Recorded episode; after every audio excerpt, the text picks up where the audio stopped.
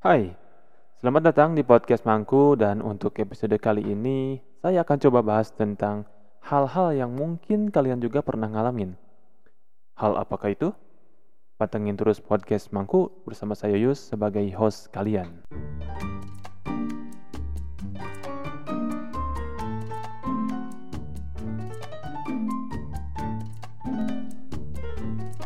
Ya, balik lagi di podcast Mangku Kali ini saya mau ngebahas ini yang lagi rame di HP saya nih, terutama di WhatsApp.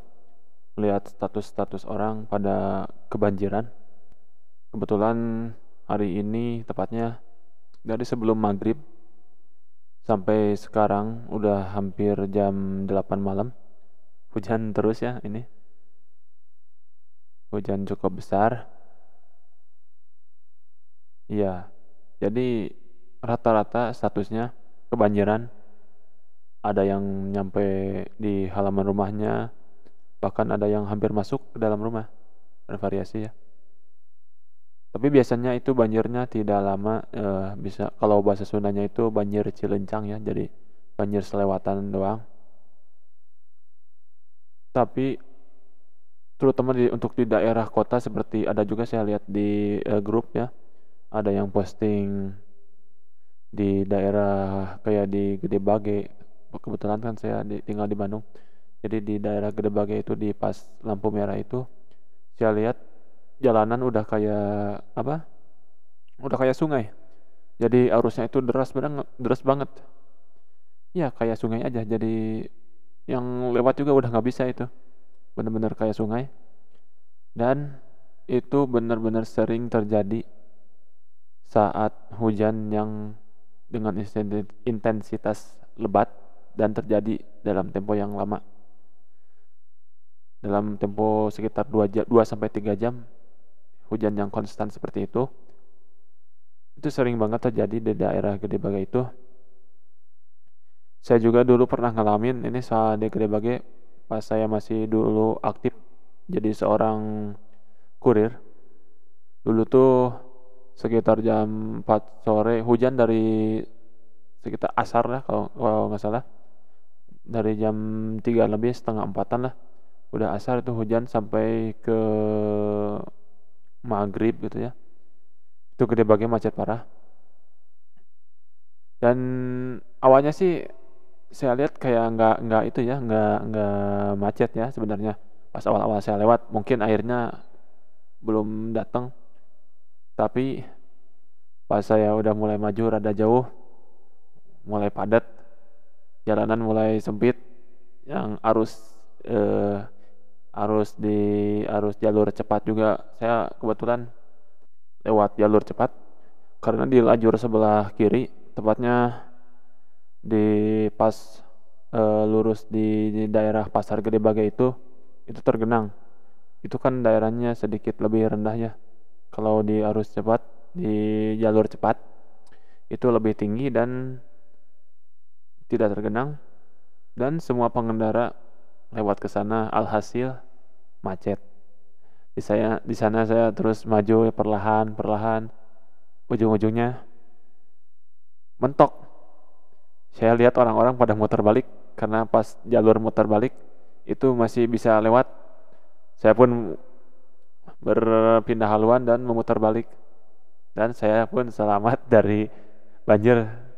Kebetulan tuh di kalau saya terus itu di, di daerah eh, pas Kapolda Kapolda Jabar itu banjir lumayan gede dan banyak motor mogok di sana.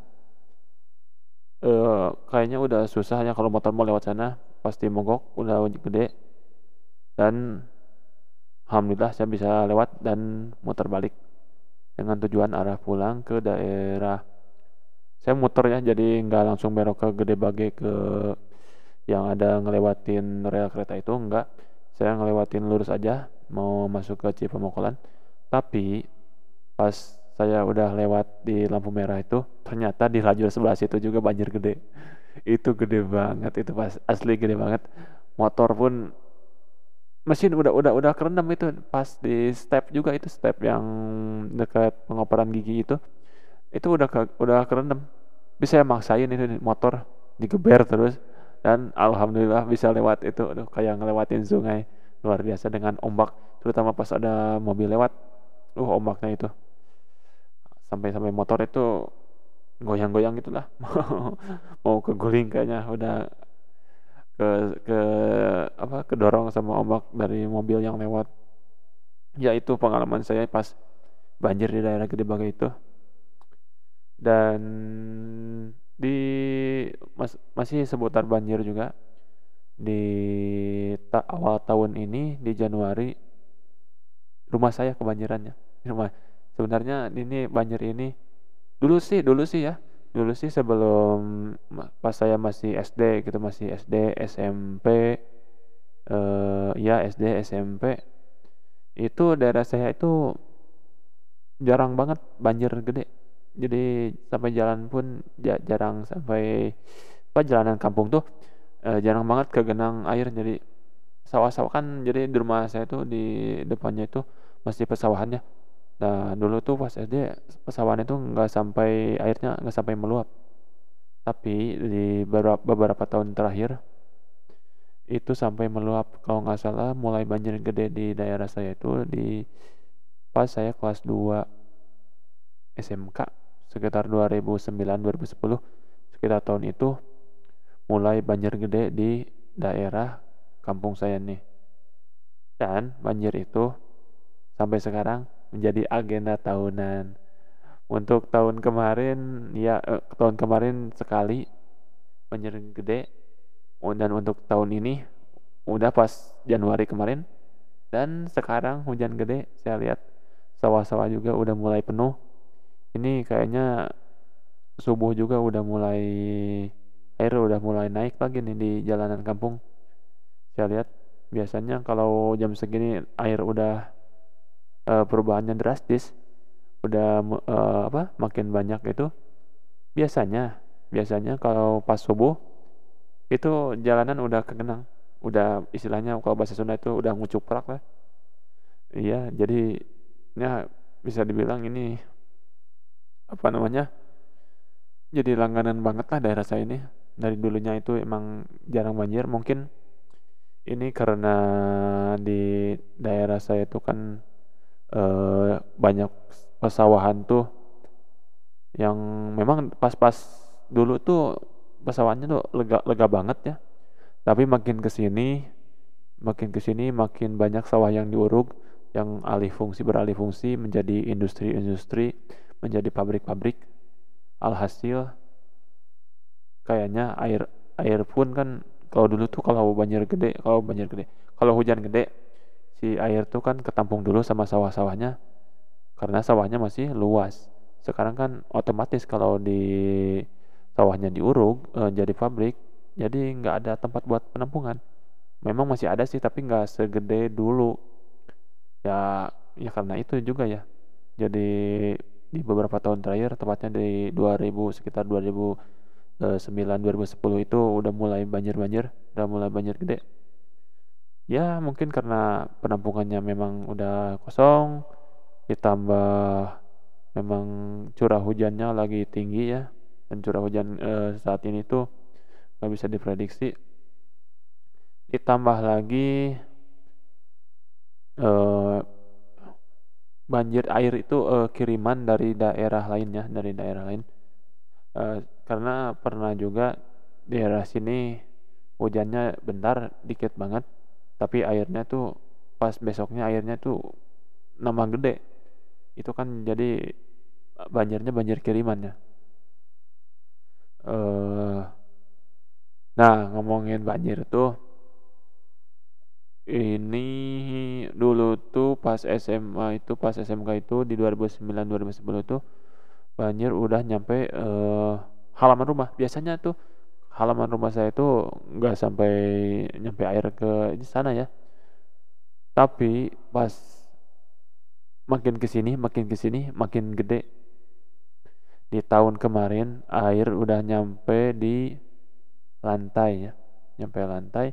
Dan tahun ini nyampe masuk ke rumah. Walaupun alhamdulillah uh, nggak nggak gede banget ya. Cuma kan cuma apa sedikit aja lah semata nggak semata kaki sih.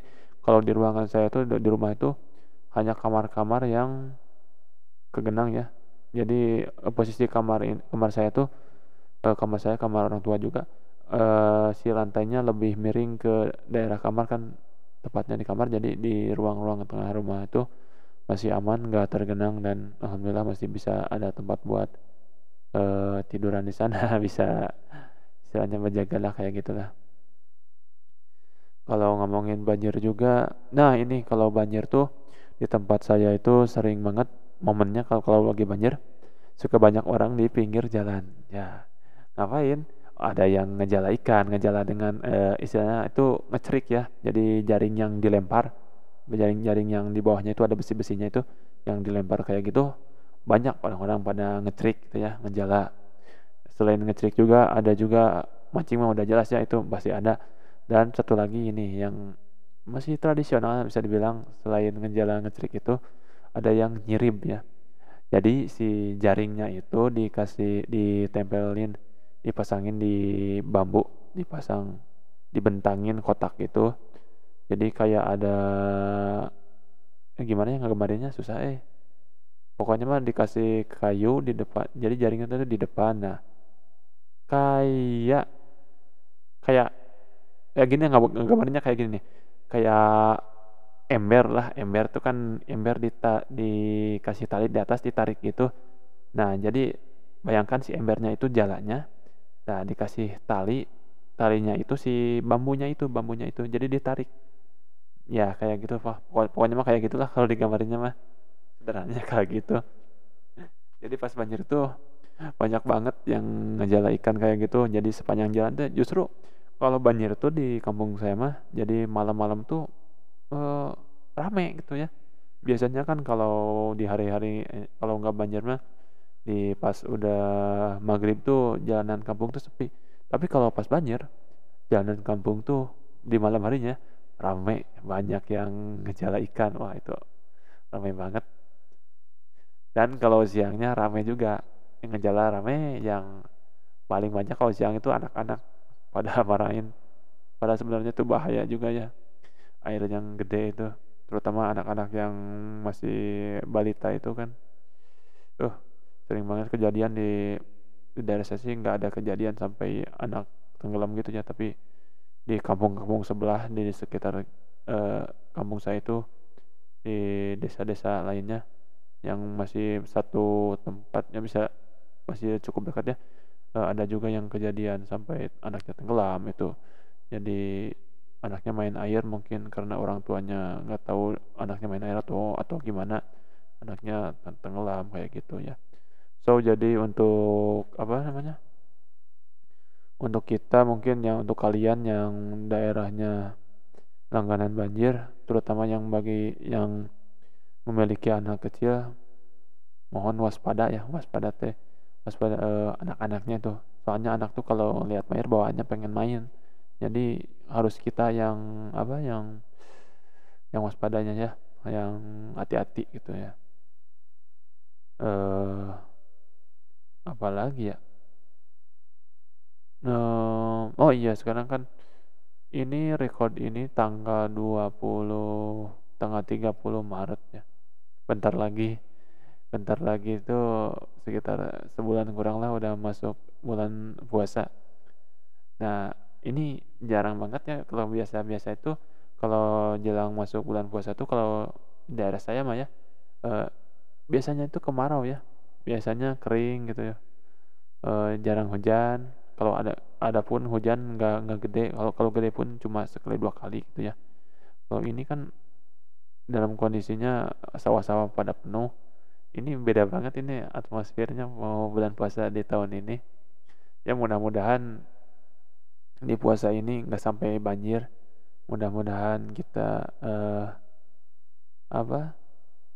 Ya istilahnya mah nggak banjir-banjiran pas bulan puasa ya. Dan mudah-mudahan selain itu juga kan sekarang lagi apa namanya lagi wabah corona itu ya lagi benar-benar darurat ya di Indonesia ini. Dan mudah-mudahan kita semua dalam senantiasa dalam lindungan Allah Subhanahu wa taala. Dan ada hikmah juga di balik banjir ini. Kalau benar-benar nanti subuh banjir gede kan biasanya akses tuh mati yang jalan dan otomatis uh, banyak orang yang nggak ke mana-mana. Nah itu uh, bertepatan dengan dengan merebaknya virus ini. Jadi seenggaknya ini se, se apa namanya kayak isolasi tapi isolasi yang apa kalau pemerintah yang buat mah kan suka kadang ada yang masih jalan-jalan keluar gitu ya. Tapi kalau banjir gini mah ya mudah-mudahan kan nggak bisa lewat tuh mudah-mudahan orang-orang pada di rumah. Dan mudah-mudahan uh, wabah ini segala teratasi dan penyebaran virusnya bisa terhenti ya bisa cepat terhenti dan mudah-mudahan pas Ramadan nanti uh, kondisi di Indonesia ini atau bahkan di dunia ini di seluruh dunia ini sudah uh, bisa normal lagi wabahnya sudah teratasi mudah-mudahan seperti itu. Itu harapan kita semua. Kita berdoa mudah-mudahan semuanya bisa sehat selamat dan bisa dipertemukan dengan bulan Ramadan tahun ini. Ya mungkin untuk podcast kali ini uh, saya akhiri sampai di sini. Terima kasih untuk kalian yang telah mendengarin podcast ini sampai ke akhir-akhir ini, akhir-akhir ini, sampai ke menit akhir ini. Mudah-mudahan kalian nggak bosan dengerin podcast ini. Mohon maaf juga, uh, ini kata-katanya masih uh, gaya bahasanya masih belepotannya, masih banyak nya, masih banyak uh, apa? Tuh, oh lagi. Astagfirullahaladzim masih banyak. Pokoknya mah belum lancar ya mohon maaf. Dan ya terima kasih. Sampai jumpa di episode selanjutnya